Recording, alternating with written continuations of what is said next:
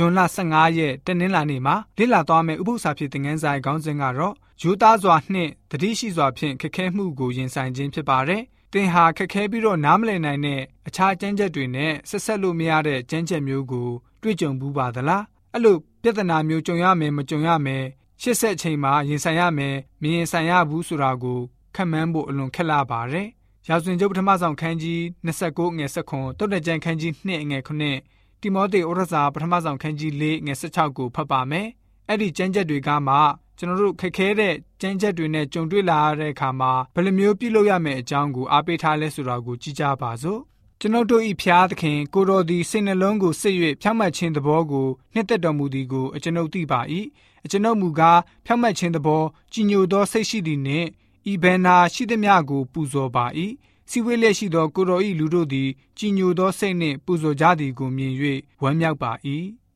ဖြောင့်မတ်သောသူတို့အဖို့ပညာယတနာကိုတူထားတော်မူ၏တရားသဖြင့်ကျင့်သောသူတို့ကိုကွယ်ကာတော်မူ၏ကိုကို၎င်းကိုဆုံးမဩဝါဒကို၎င်းတတိပြု၍အမြဲတည်နေလော့ထို့သောပြုလင်ကိုကို၎င်းနားထောင်သောသူတို့ကို၎င်းကဲတင်လိမ့်မည်ဆိုပြီးတော့ဖော်ပြထားပါတယ်ကျွန်တော်တို့ဟာဆိုလို့ရှိရင်ယူသားမှုရှိမှသာအခက်ခဲကိုပြပြလဲလဲဖြေရှင်းသွားနိုင်မှာဖြစ်ပါတယ် ယူသားချင်းဟာခက်ခဲမှုပြဿနာကနေထွက်ပေးတာ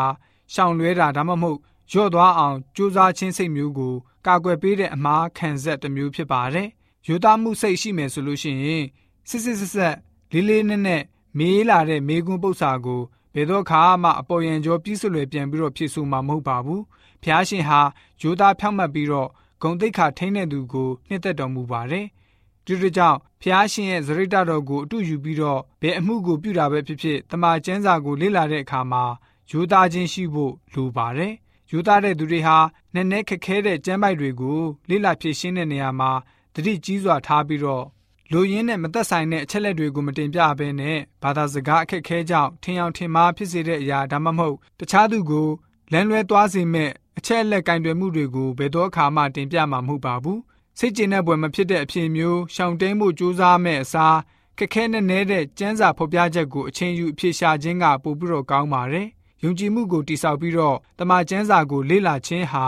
ကောင်းကျိုးကိုဖြစ်စေပါတယ်ယုံကြည်မှုစိတ်ချမှုတွေဟာလူပုဂ္ဂိုလ်အတွက်ကျမ်းမာတန်ဆွမ်းတဲ့ဆက်ဆံရေးဖြစ်ပါတယ်။ပြတ်တောင်းတဲ့အဖြစ်မျိုးထက်လူတွေကိုပို့ပြီးတော့ယုံကြည်စိတ်ချမှုကိုဖြစ်စေပါတယ်။နားမလည်တဲ့ကျမ်းပိုက်ကိုမသိရင်တော့မရှင်းတတ်ရင်တော့မရှင်းတတ်တဲ့အကြောင်းကို ဝန်ခံဖို့ပိုကောင်းပါတယ်။ဝိလေကြောင်ပတ်နဲ့ဒီလိုဖြစ်နိုင်တယ်ဟိုလိုဖြစ်နိုင်တယ်မတော်ဒီလိုဖြစ်ကောင်းဖြစ်မယ်စတဲ့အလုပ်မျိုးကိုလုံးဝရှောင်ကျဉ်ဖို့ဖြစ်ပါတယ်။အဲ့ဒါမျိုးကိုမလုပ်ပါနဲ့။တတိဆောင်တဲ့ပုံကိုယ်တွေဟာဖျားရှင်နှုတ်ကပတ်တော်ကိုအားကြီးစွာ နားလည်လိုကြပါတယ်။ဒါကြောင့်ပြက်တောင်းပြက်တောင်းနဲ့ချက်ချင်းအဖြစ်ထုတ်တတ်တဲ့အကျင့်ကိုရှောင်ရပါမယ်။လူပုဂ္ဂိုလ်တွေနားလည်နိုင်တဲ့စွမ်းအားအဆင့်နဲ့ကန့်အသက်ရှိကြပါတယ်။အသေးစိတ်ကြလွန်းတဲ့အပူစကားတွေကိုအရေးမကြီးဘူးဆိုရင်မပြောဆိုဖို့ တတိရှိရပါမယ်။မြ мян ဆန်းဆန်းပြပြတလဲဆုံးဖြတ်ဖို့မလိုပါဘူး။လိလာတဲ့နှုတ်ကပတ်တော်နဲ့ဆက်နွယ်တဲ့အချက်လက်တွေကို